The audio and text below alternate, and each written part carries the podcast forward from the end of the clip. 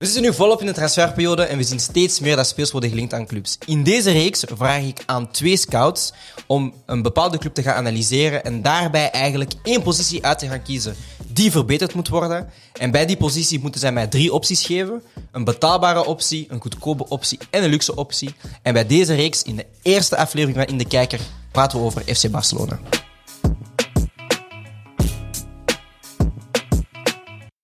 Fuck iedereen, welkom bij In de Kijker. Dit is een reeks waarin dat we ploegen gaan analyseren en daarbij drie opties gaan moeten geven per positie. De drie opties zijn een luxe optie, een betaalbare optie en een goedkope optie slash een steal. Bij de eerste reeks hebben we gekozen voor FC Barcelona en ik zit hier vandaag met Marcus Capenda en Phantom als Barça representatives. Bauw. Dag Marcus. Hola. Studeerperiode, Si. looking a bit scruffy. Pardon? Boys, ik heb jullie gevraagd om drie eh, opties te geven per positie. Maar ik ga eerst vragen, voor welke positie, zijn jullie oh, sorry, voor welke positie hebben jullie gekozen bij Barcelona? Om te versterken. Eh, ik heb gekozen voor rechtervleugel. Dus met alle rumors dat Dembele waarschijnlijk niet gaat verlengen, denk ik dat dat de positie die het belangrijkste is voor ons. Hij was dit jaar een van de meest productieve spelers. Niet meest gescoord, maar wel onze leider in assists. Eh, en in Europa ook in eh, top 5 of top 10, denk ik. Across, Ja, zeker. bij, de, bij de grote vijf competities. Dus dat is een gat dat we gaan moeten opvullen. Dus eh voilà, rechtervleugel. Oké, en eh, Alex, voor welke positie heb jij gekozen? Ik heb voor uh, centraal verdediger gekocht, gekost, ge- eh, gekozen. wow, damn, fikke, fikke. nee, ja, ik heb dus voor de centraal verdediger gekozen, eh, omdat dat voor mij echt een pijnpunt is. En omdat ik niet meer verder wil met Piqué, Minguenza, Garcia. Eh, en alleen Araujo wil houden. Lang- Langley buiten, Umtiti buiten. En ja, man, er blijft niks over. Oké, ehm, ik heb ook transfermarkt van Barcelona openstaan. Dus eh, ik zie dat jij dus gaat voor een rechtse flank en jij gaat voor een centraal verdediger. Yes. Nu, eh, er zijn een paar eh, voorwaarden waar jullie aan moeten voldoen. Ehm, de speels die jullie gaan halen, het zijn dus drie opties. De luxe optie, de goedkope optie en de betaalbare optie. Moet wel binnen het budget passen van Barcelona. Ja. Nu, ik ben eventjes aan het opzoeken, maar eh, er is heel veel vragen rond het budget van Barcelona. Dus we gaan zeggen, we zitten op een budget van ongeveer 150 miljoen. Ja. Ik denk niet dat jullie transfers daarover gaan. Ehm, maar ik wil wel dat je een beetje rekening houdt met eh, de salaris van de spelers. Ja. Eh, ik heb een heel goede website eh, gevonden, Capology. Dus als jullie dat willen zoeken, Capology, een topwebsite om eh, ja, toch wel de salarissen van spelers te gaan opzoeken. Eh, is meestal ook geverified door de website zelf. Dus daar kan je wel heel gericht zoeken. Eh, we gaan eerst naar de goedkope optie. Ik ga beginnen bij Alex. Oeh, echt? Nou, eerst met de Nee, nee, we goedkope gaan eerst beginnen met de luxe optie. Ja, sorry. oké. Luxe optie, eh, Alex, je mag beginnen. Uh, mijn luxe optie uh, als centrale verdediger is Emerick Laporte. Oké. Um, waarom? Omdat hij vroeger al gelinkt was aan Barça voordat hij naar uh, City vertrok. Omdat hij de competitie kent. Maar basically, dat is een heel goede verdediger. Linkspoot ook. Daarom dat ik hem als eerste optie heb. Omdat je hem dan naast Araujo zou kunnen zetten. Uh, omdat ik ook heel graag hou, en ik denk dat bij Barça dat nodig is, dat je zo'n duo moet hebben met één die een beetje agressief is en eentje die een beetje rustiger is. Beide moeten kunnen voetballen. Dus Laporte zal dan de rustigere zijn, maar die, weet je, heel goed kan voetballen. Linkse Ja. voet, rechtse voet. Um, hij is een Spanjaard, hij kent de competitie. Uh, en daarom zou ik eigenlijk voor hem gaan. En zijn prijskaartje vandaag zou rond de 50 miljoen zijn, nog steeds. Uh, omdat hij ook nog steeds onder contract is, omdat hij gewoon goed bezig is bij City, af en toe wel geblesseerd. Uh, maar dat zou mijn luxe optie zijn uh, om uh, bij Barça binnen te halen. Man. Oké, en Marcus, voor wie heb jij gekozen op uw rechtse flankpositie als luxe optie? Uh, bij hetzelfde team gaan shoppen. Ik denk, uh, ik denk dat die de meest interessante spelers hebben voor Barcelona. Heeft waarschijnlijk te maken met de coach. Uh, dus ook bij Man City en mijn positie, of mijn speler, is Bernardo Silva. Okay. Voor de rechterflank? En voor de rechterflank. Okay. Dus uh, ja, die gaat dat natuurlijk niet invullen als een natuurlijke winger, of zoals Dembele dat doet. Maar uh, ik denk dat hij vanuit die rechterflank een beetje een vrije rol kan hebben, zoals Messi dat had. Ik weet dat we Bernardo een paar jaar terug ook wouden halen, en toen was hij veel betaalbaarder. Ik denk ja. voor 40 miljoen. Uh, dat zijn contract toen aan het aflopen was, of zo, dat ja. hij ophaalbaar was, maar we hebben dat uiteindelijk niet gedaan. Het is ook niet de eerste keer dat hij weg wilt hè, bij City? Ja, ik weet. Sinds hij daar is? Ja, daarom. Dus uh, ik ben niet zeker of hij nu echt weg wilt, maar ik denk dat je die wel los kunt krijgen bij City. Ehm, ik heb mij even gebaseerd op de transferwaarde op transfermarkt. Dat zal 80 miljoen zijn. Hey. Hij heeft een contract tot 2025. Hey. Dus ik denk niet dat ze zelfs aan 80 geraken of hoger. Ehm, ik zou gokken misschien dat we het 60, Ja. pak het 70 zouden betalen voor hem. Dus voor Barça sowieso met onze situatie nu is dat een luxe transfer, denk ik. Want dat is nu ook actueel en Barça gaat nu ook een oefenwedstrijd of een gala-match spelen tegen City. Eh, voor, ehm, dat is een gala-wedstrijd tegen ALS, de ziekte. Ja. En daar in, die, in dat interview gaf Guardiola ook aan van we willen Silva houden, maar ik wil geen spelers bijhouden die niet gelukkig zijn in de club. Dus dat is zo'n beetje aangeven van Ja, ah, misschien. ja. En dan speelde hij een beetje voetsies met Laporta en zo. Ehm, dus ik denk ook dat misschien rond de 50, 60 Ja. en misschien los te weken valt. Snap je? Dat is nog te doen. Hè? We hebben nu wel Ferran al gehaald van hun. Dat is het ding ook. Maar, bo. Dat is het ding. Want als, dat- als Ansu terug is, denk ik dat ze gewoon met Ansu en Ferran spelen. Ja, ja. Behalve als Oesman blijft, dan is Oesman die, die guy. Dan staat hij gewoon rechts. Hè? Ja. Maar eh, ja, ik zou, ik zou voor eh, Bernardo gaan. Dan Interessant, denk, man. die heeft potentieel voor mij, ik denk een paar jaar terug, stond hij zelfs in Ballon d'Or voting top 10, misschien zelfs top 5. Uh, Ja, was die heeft hij voor gestaan. mij, Die heeft een jaar echt hoog gestaan. dat jaar was hij voor mij zelfs de beste speler van City en echt wel een verdiende ranking op de Ballon d'Or. Dat is Dus- interessant, want ik zou voor een echte winger gaan. Ja? Ja. Ik zou echt voor iemand gaan die de- op de flank blijft plakken en die shit kan afgaan. En... Mm. Ja, maar ja. Begrijp ik. Want hoe ziet u type aanval eruit bij Barcelona dan? Als je dan Bernardo Silva haalt. Dus Bernardo Silva op rechts, wie is aan de punt, wie is aan op de linkse flank? Het ding is, ik heb nu wel rekening gehouden met het feit dat Lewandowski misschien komt. Maar zelfs als hij niet zou komen, ik heb het gevoel, aanvallend hebben wij heel veel profielen. Dus je hebt Ansu, als die fit is, gewoon links. Ja. En dan Aubameyang of Depay in de spits. Oké. En dan heb je Bernardo gewoon rechts. Oké, dus jij ziet eh, op de linkse flank toch eh Ansu Fati in plaats van dan naar rechts te gaan draaien. Ansu te draaien. Ja, naar Nee, rechts. Ansu sowieso. Nee, nee, Ansu sowieso links. Zou. Ik zou hem nog durven, zo, zo spits. Soms is een, Ja. een, een valse spits eh, positie Ja. durven geven. Als je zo Torres er ook nog eens bij wilt of zo. Hij is kapot efficiënt, man. Daarom. Hij is niet Ja. wauw, maar hij is kapot efficiënt. Ja, die kan. Ja. Die is een lock. Van voor is Ik heb ook gezien naar beide spelers hun salarissen. ehm, Vallen ongeveer in, het, in de lijn van hoe dat Barcelona uitgeeft qua salarissen. Allee, ja, vallen er vaak heel hard onder eigenlijk. Ehm, als je ziet, de grootverdiener bij Barcelona op dit moment is eh Busquets met 400.000 eh, euro per week. Ja, die, mag, die Ehm, mag ook beginnen afgeven. Dus inderdaad, als je dan Oei, kijkt joh. Dat is naar... geen eh, goed ding, snap je? Dat die in de lijn vallen.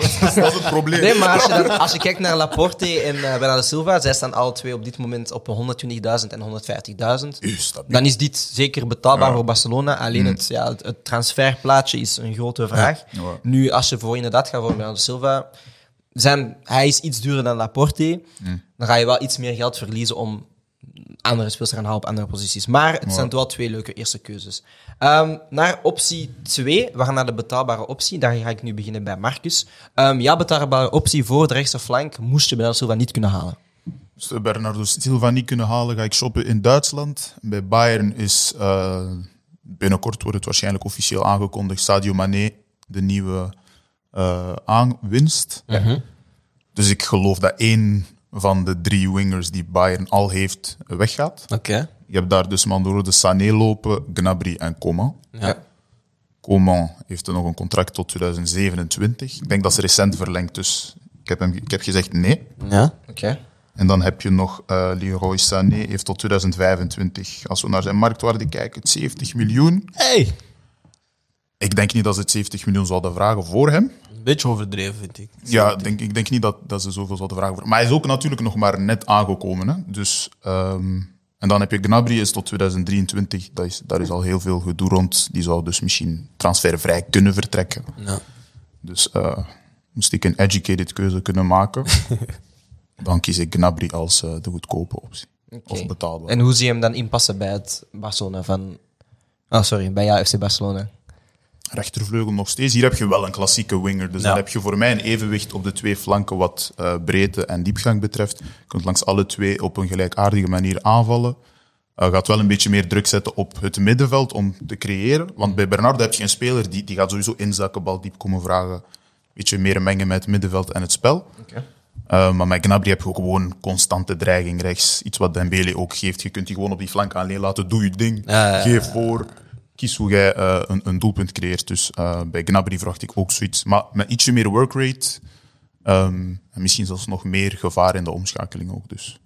Ah, dat is een goeie. Dus Alex? ik al meer pas eh Oké. met Barça. Wie heb jij op, eh, als tweede optie? Mijn tweede optie is betaalbaar geworden in de voorbije drie dagen. Want eigenlijk was hij mijn eerste optie. En eh, dat is uh, Koulibaly van Napoli. Um, hij is nu betaalbaar geworden omdat hij, ja, hij heeft nog maar één jaar contract. En de voorzitter van Napoli heeft nu al aangegeven van ze zouden openstaan om hem te verkopen. Ja. Um, en zijn prijs zou dan gezakt zijn naar 35 tot 40 miljoen. Um, ja, als we dan kijken naar voorbije jaren, ja, dan vroegen ze 80 tot 100 miljoen ervoor. Ik weet nog dat Chelsea die heel hard was. City wou die eigenlijk ook voordat ze Diaz gingen halen. Um, dus daarom is hij voor mij de, de, ja, de betaalbare optie geworden. Omdat dat, ja, dat is gewoon een van de beste centrale verdedigers ter wereld voor mij. Ja. Um, hij is tweevoetig, hij kan goed voetballen. Hij kan niet extreem goed voetballen, maar hij kan goed voetballen. Ja, hij is heel sterk, hij is heel snel. Maar hij is, hij is gewoon ook een goede voetballer met, met weet je, verdedigende intelligentie. Hij is heel sterk één op één. Um, en hij kan op de twee posities spelen. En dat is wel belangrijk, denk ik, omdat het dan niet uitmaakt wie er naast hem staat. Hij Ja. kan gewoon altijd blijven staan. Um, en daarvoor zou ik voor Koulibaly gaan, man. Ik denk dat Ja. dat iemand is die eigenlijk al drie, nee, twee, drie jaar geleden al naar een top-top-club mocht. Maar ja, die voorzitter had die, of heeft hij lang bijgehouden. Ja. Maar ja, als hij nu betaalbaar is en we hebben een beetje doekoe, shout out Spotify, let's go, weet je. dus eh, dat zou mijn keuze zijn, man. Ehm, en hoeveel zou je dan neerleggen voor een Koulibaly? 35 tot 40 max. Oké. Inderdaad, in het budget van Barcelona. Ik heb ook beide spelers hun salaris weer op, opgezocht. Koulibaly zit aan 210.000, dus weer in het eh, rijtje. Ik denk dat je niet vaak spelers gaat vinden ehm, die je naar Barça kan halen die over het budget of over de salaris gaan komen als eh Busquets. Nee, iedereen Eh, moet sowieso in, ingeven. Ja, dus- Inderdaad. En daar heb je dan, Gnabry heeft 150.000. Dus het is al twee een redelijk goede, ah ja, aanvaardbare Ja. keuze. En dan de laatste, Ja. ehm, de goedkope optie, a.k.a. Yes. Steel. Ehm, nu, ik ga het eventjes verduidelijken. Goedkope opties is inderdaad dus gewoon dat goedkoop zijn. Als je daarbij nog een extra speler kan aanbieden in een steel. Een steel is dan spelers die voor een heel lage prijs gaan en een contract zijn of die nog een jaartje op een contract hebben en daardoor een lage prijs kan ehm, onderhandelen, die mag je, dan mag je die erbij toevoegen. Ja. Eh, bij de goedkope optie, Marcus, ga ik terug weer bij jou zijn. Ehm, wie heb jij als goedkope optie ehm, voorgesteld aan Barcelona? Als je dat zo uitlegt, ik had beter Gnabry bij goedkoop gezet. Hè? Maar eh andere optie die ik had was Jeremy Pino van de Villarreal. Hard, Ah, hard, oké, hard, hard, sterk, hard, sterk. hard, dus hard, hard, hard, hard. talentvolle speler, kan rechts spelen. En wat ik vooral eh, belangrijk vond bij Barça was ook een beetje polyvalentie of flexibiliteit qua profiel. Want voor centrale verdediging bijvoorbeeld heb ik het gevoel dat Xavi misschien met drie in de back gaat beginnen spelen. Oké. En dat zou betekenen dat je eigenlijk als winger ofwel iemand moet hebben die bijvoorbeeld in een 3-4-3 van voorspeelt of in een 3-5-2 echt gewoon wijd speelt. En hij is Die- dat al profiel. meer een, een wijde speler dan echt een winger-winger. Dus ehm, daarom dacht ik Jeremy Pino. Denk je dat dan Xavi met misschien drie gaat nog, spelen? eh, ik krijg het gevoel dat hij dat zou willen doen. Want Ja? hij, Hij vertrouwt Dest en zo niet, hè? ja, snap je? Dus Des zou dat bijvoorbeeld ook kunnen doen. Ja. Maar, Maar in gewoon als vier- ik, als ik kijk naar de, de spelers met wie we heel tijd gelinkt worden, ik zeg één, dat zijn al heel veel centrale verdedigers. Dus ik heb Ja. het gevoel van die wilt misschien echt gewoon met drie beginnen spelen. Zo Aspilicueta bijvoorbeeld, ik denk dat je die Ja, haalt omdat je met drie wilt spelen. Koulibaly, bij Napoli, onder Sarri alleszins, was ook met drie. Christensen, Christensen heeft ook bij Chelsea met drie, dus ik heb het gevoel dat dat misschien nog eh, kan doorwegen, snap je? Ja, man. De nada, de nada. Sterk, man. sterk, sterk, sterk, sterk, sterk. Man is wakker. Maar dan valt dat wel in lijn met wat jij wilt Ja. zeggen, want jij zoekt inderdaad een centrale verdediger. Yes. Ehm, wie is dan jouw goedkope optie? Mijn goedkope optie is Eric Bailly. Oh, wauw. Oké. Wat? Ehm, Oké, waarom Erik Bailly? Ten eerste, fit is hij een topverdediger. Want dat is zijn eigen, enige probleem. Hij blijft niet fit. Maar hij kent de Spaanse competitie. Hij heeft bij Villarreal gespeeld. Ja. Deed het daar heel goed. En is ook meer geblesseerd geraakt in Engeland dan in Spanje. Dus misschien is die fysicaliteit van Engeland en, en, en dat heel speelschema misschien te veel voor hem. En kan hij in Spanje terug een, een, een beter klimaat vinden, zeg maar, voor hem als voetballer. Hij is voetballend goed, hij is sterk, hij is snel, hij heeft een geweldige tackle. Ehm, mijn enige ding is, dan heb je wel twee agressievere types naast elkaar. Want ik, ik denk altijd naast Araujo. Ja. Dus dan heb je niet zo eentje, maar dan dacht ik, maar Ramos Pepe heeft ook gewerkt. Dus waarom niet? Waarom? Maar ik ben, ik, heb, ik ben natuurlijk ook gaan kijken naar zijn eh, marktwaarde Ja. en zo. En hij zou maar rond de 6 miljoen Wauw. marktwaarde hebben nu. Dus stel dat je eigenlijk misschien 10 tot 15 max zou moeten uitgeven aan hem. Ja, voor iemand die, weet je, Ivoriaans international is, bij Ja. United gewoon speelt als hij fit is, maar Ja. is hij al een tijdje niet fit geweest, vind ik dat zeker een goede, goedkope optie. Ehm, dus ik zou hem halen, man. ja, ja. Dat zou mijn keuze zijn. eh, en dan zou ik eh, United ontlasten van een eh, verdediger. Ja. Oké. Wel ook een rechtspoot, hè? Ja, Ja, dat wel. Dat wel. Want, Koulibaly ook rechts, hè? Rechtsvoetig? Ja, maar die is tweevoetig. Zoals mij. ga stuk. Maar nu, oké, je hebt al, jullie hebben alle twee nu dus drie opties gegeven. Ja. Ja. Nu, jullie zijn Barça. Jullie weten, eh, niet enkel de rechtse flankje is een probleem bij jullie. Niet alleen het centraal van echter, in jouw ogen. Welke speler zou jij dan het liefst halen? Of welke speler zou je het liefst hebben dat Barça haalt?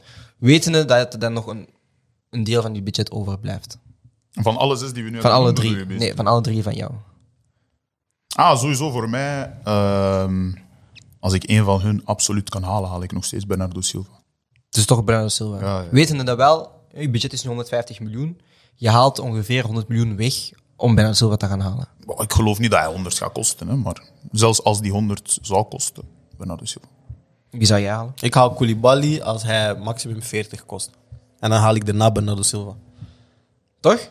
Ah, als Koulibaly maar 40 kost. Oh, kunnen we, kan, ik, kan ik zeggen, ik haal Bernardo uiteraard Koulibaly. Als hij maar 40 kost. Nee, nee, mijn, mijn optie zal sowieso Koulibaly zijn, omdat ik denk dat we verdedigend echt wel daar het grootste pijnpunt is. Ja. Ik, denk, ik snap dat hij een winger wilt halen, maar ik geloof dat je met Fati, Aubameyang of Lewandowski en dan Ferran Ja. het werk kan doen. Eh, ik denk ook dat we, als we onze middenvelders behouden en een Kessier komt erbij, dat we dan ook een beetje misschien in het oude verhaal komen dat een P3 of een Gavi soms op de flank speelt. Dus daar kunnen we wel creatief omgaan met dingen. Maar als je het seizoen moet spelen in de Champions League met Garcia Araujo, ja, dan hebben we volgens mij een probleem, snap je? Ja. En Piqué, sinds dat hij zijn shit met Shakira doet, weet ik ook niet. We moeten hem 100 miljoen, dus ik weet ook niet hoe dat we dat gaan afbetalen. Ah? Ja, want hij, heeft zo...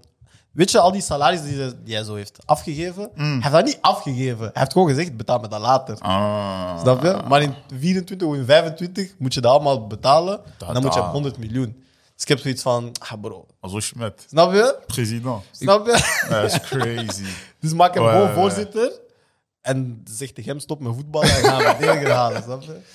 Ik ben wel een beetje eh, ja, gechoqueerd toch van de, de keuze dat jullie kiezen. Oké, centraal van achter zie ik het een beetje gebeuren, maar ik denk dat je daar wel degelijke opties hebt om toch wel een jaar mee door te komen. Op de rechterflank een beetje hetzelfde. Ik had toch wel verwacht dat jullie voor een centrale middenvelder gingen kiezen. Nee, was ook een, Ehm, dat was ook een Ja, optie. puur omdat Busquets een beetje aan naar het einde van zijn, van zijn carrière is aan het gaan. Je P3 en Gavi, twee jonge talenten, maar zijn dus niet meteen klaar. Frenkie de Jong werd gelinkt aan een andere club en hij kan dan dus mogelijk vertrekken. Maar momenteel is hij er nog. dus ik denk dat je daar wel een groot gat hebt uiteindelijk. Nee, want ik denk, kijk, hè, je hebt Busquets. Ideaal speel je met Busquets, De Jong, P3. Ja. Oké? Dan is het al erg dat Gavi eigenlijk uit de ploeg moet, maar dat is uw beste drie volgens mij. Ik denk dat ze sowieso, als De Jong blijft, willen ze van hem de zes maken. En dan heb je De Jong, P3, Gavi. Ik denk dat Nico een goed profiel is voor een 6, maar dat ze hem altijd hoger laten spelen. Dus die zal vaker invallen als 8. Maar dan zit je met genoeg spelers om die rotatie te voltooien. En je weet nooit. Ze hebben ook die, die, ze hebben die jonge winger gehaald. Van, eh, Eh, Pablo Torre. Ja, Pablo Torre. Ik zeg niet dat hij nu titularis en zo moet zijn, bla, bla. maar op het middenveld heb je genoeg opties. Zeker als je met drie speelt. En je hebt normaal gezien Kessier gehaald. Die dan ook. Kessier is iemand die een half uur invalt en gewoon een beetje ander spel brengt. Weet je? Hij is onze Keita, hij is onze. Hij is on- Dus op het middenveld zijn er voor mij meer dan genoeg opties. Weet je? Oké. En ken dan... Ja, ja. Sorry. Maar ik, ik heb het gevoel dat Bernardo bijvoorbeeld dat probleem wel oplost op het middenveld. Want met hem kun je gewoon flexibel zijn, snap je? Maar verlies je dan daar niet een beetje het evenwicht van Barcelona dan? Omdat je inderdaad wel... Oké, je hebt iemand langs de rechtse flank die komt inzakken en het spel ehm, beter kan laten lopen, zou ik zeggen. Op de linkse flank heb je Ansu Fati die ook wel ja, die rol kan spelen. Barça-school kent het wel. Met Aubameyang heb je dat minder, maar ik denk dat je daar dan net meer iets ja, balans verliest, omdat je dan weer iemand gaat hebben die in de bal komt. En als je inderdaad, wat je zegt van, oké, jullie gaan misschien spelen met een driemans, ja, waar komt dan uh, Silva in je, in je ploeg terecht? Nee, maar ik bedoel, hij kan bijvoorbeeld ook gewoon op middenveld spelen, snap je? Oké. Maar ik denk eh, dat van, stel dat Bernardo rechts zou staan, ja, dan is een Dest wel het goede profiel, want hij gaat er altijd Ja, over en gaat die één op één aan. Maar dan heb je een andere verdediger nodig naast Araujo om Dest op te vangen. Want dat was ook wel een optie, hè. de, de, rechts, de rechtsbacksoptie bijvoorbeeld. eh, daar heb je maar één echte ja, rechtsback klaarstaan. Nu ook dat Daniel Ves weg is. Dus en dat is waar kon je Barca daar ook kijken. echt naar kijkt, blijkbaar. hè. Dus ze geven aan dat ze niet echt in Dest geloven. Alleen was de perfecte optie Mazraoui en hebben ze daar niet Oké. Bayern Ja. kunnen outbidden in salaris of in, in voorstel. Maar ik, dat is wel een positie waarvan ik denk, ik zie niet wie je kan halen op rechtsback. Dat is heel moeilijk. Hetzelfde met links. Dan is het gewoon verder gaan met wat je hebt uiteindelijk. Op rechtsback bedoel je? Op de backposities. Of je gaat Aspilicueta halen voor die positie, maar... Kan ook. Dat Snap kan je? ook. Maar op zich, dat kan ook. Want dan kun je, je kan dan zo, tactisch flexibel Ja, dan kan je beginnen draaien in de wedstrijd. Alba, tak, Aspi komt in. Ja, iemand. defensieve back, ja. Snap je? inderdaad. Ja. Nee, ik vind, het, ik vind het interessant. Ik wil zien hoe dat Barça evolueert. Ik wil nu wel nog één ding aan jullie vragen. Nu moeten jullie mij overtuigen waarom dat een centrale verdediger toch belangrijker gaat zijn dan een rechtsflank of omgekeerd. Nog te dingen. Waarom? Ja, gewoon omdat we Ah, en aanvallend meer opties hebben. Oké. We hebben aanvallend meer opties. eh, en centraal verdediging en verdediging in het algemeen is ons pijnpunt. Ik denk dat je centrale verdediging sowieso ja, het hart of de as van je team is. Dat je daar wel twee goede profielen moet hebben. Ehm, en je hebt iemand nodig met ervaring naast een Araujo die jong is, die goed is, maar die nog steeds fouten maakt. Oké. Piqué heeft het niveau niet meer, Langley heeft het niveau niet meer, Umtiti heeft het niveau niet meer. En ook een Ter Stegen is niet meer zo fiabel als vroeger. Hij is nog steeds goed, maar dat speelt wel een grote rol als je een goede verdediging voor jou hebt, volgens mij. Eh, en ook omdat we zo hoog spelen, hebben we zeker twee goede centraal verdedigers nodig. Marcus? Oké. Zeg gewoon dat ik gelijk heb, is cool. Als ik kijk naar Barça, zie ik dus drie pijnpunten. De drie grootste. Nee, ik, bon, pak, ja, pak de drie cruciale. Eén, Busquets heeft geen vervanger. Dus ik snap u als je zegt centrale middenvelder, waarom Ja. niet? Als Dembele weggaat, we hebben geen backup. Adama was uitgeleend, gaat terug. Ja. Eh, en dan heb je niemand kan waarschijnlijk. Ferran tenzij je Torres- Ferran Torres daar misschien Trincao ook uitspeelt. terug. En Ja. Trincao komt misschien ook terug, snap je? Maar hij mag ook terug. Daar, snap je? Nee. Uitleen. Trincao, Trincao, hij, moet gewoon, hij moet gewoon op de luchthaven komen, uitchecken, inchecken, terug naar een ander land. Snap je? Dus, dus daar, daar mist heel veel kwaliteit. En Dembele en Alba zijn dit jaar onze twee meest creatieve spelers geweest. Als in Ja. Ja. dubbele cijfers assist. Dus Alba, die mag van mij nog een jaar blijven. En dan heb je rechtsback inderdaad, daar is ook nog even moeilijk. Dus eh, voor mij, ik denk Barça heeft een goed team op meerdere posities. Veel spelers, maar mist gewoon ervaring. En ik denk, als jij een speler kunt brengen die het potentieel heeft om top 5 in de wereld te zijn, ja. aanvallend dan nog. Want als dat defensief was, konden we misschien nog discussiëren. Maar bijvoorbeeld Koulibaly, ik heb niet het gevoel dat hij de impact op Barça kan hebben die bijvoorbeeld een Bernardo Silva kan hebben, snap je? Oké. Dus ik heb het gevoel dat je gewoon verder kan gaan met een speler van dat kaliber op eh, een aanvallende positie dan een verdedigende positie. Maar ik snap, ik, ik snap wel waarom je ook een eh, centrale verdediger zou kunnen halen. Maar het- dat was het ding bij mij. Ik zag dat we al heel veel aan dat dachten. Ja. Dus eh, ik Dat dacht, ik ik. ga gewoon aanvallend pakken. Oké. Bij deze wil ik jullie beiden bedanken. Ik wil ook aan de kijkers vragen om. Je hebt nu natuurlijk geluisterd wat beide heren hebben verteld. Ehm, welke positie dat jij denkt dat Barcelona zou moeten versterken? En dan mag jij ook ons drie opties geven: een luxe optie, een betaalbare optie en een goedkope optie. En als je daarbij nog een stil kan vinden, dan mag dat ook zeker eh erbij toegevoegd worden. En dan mag je ook eens eh, erbij laten weten wie dat jij denkt dat het meeste gelijk had. Dan was het oftewel Marcus, oftewel Alex. Dit was In de Kijker. en eh, ik was je host Brian Soares de Warte. En dankjewel boys. De nada, de nada, muchas. Gracias.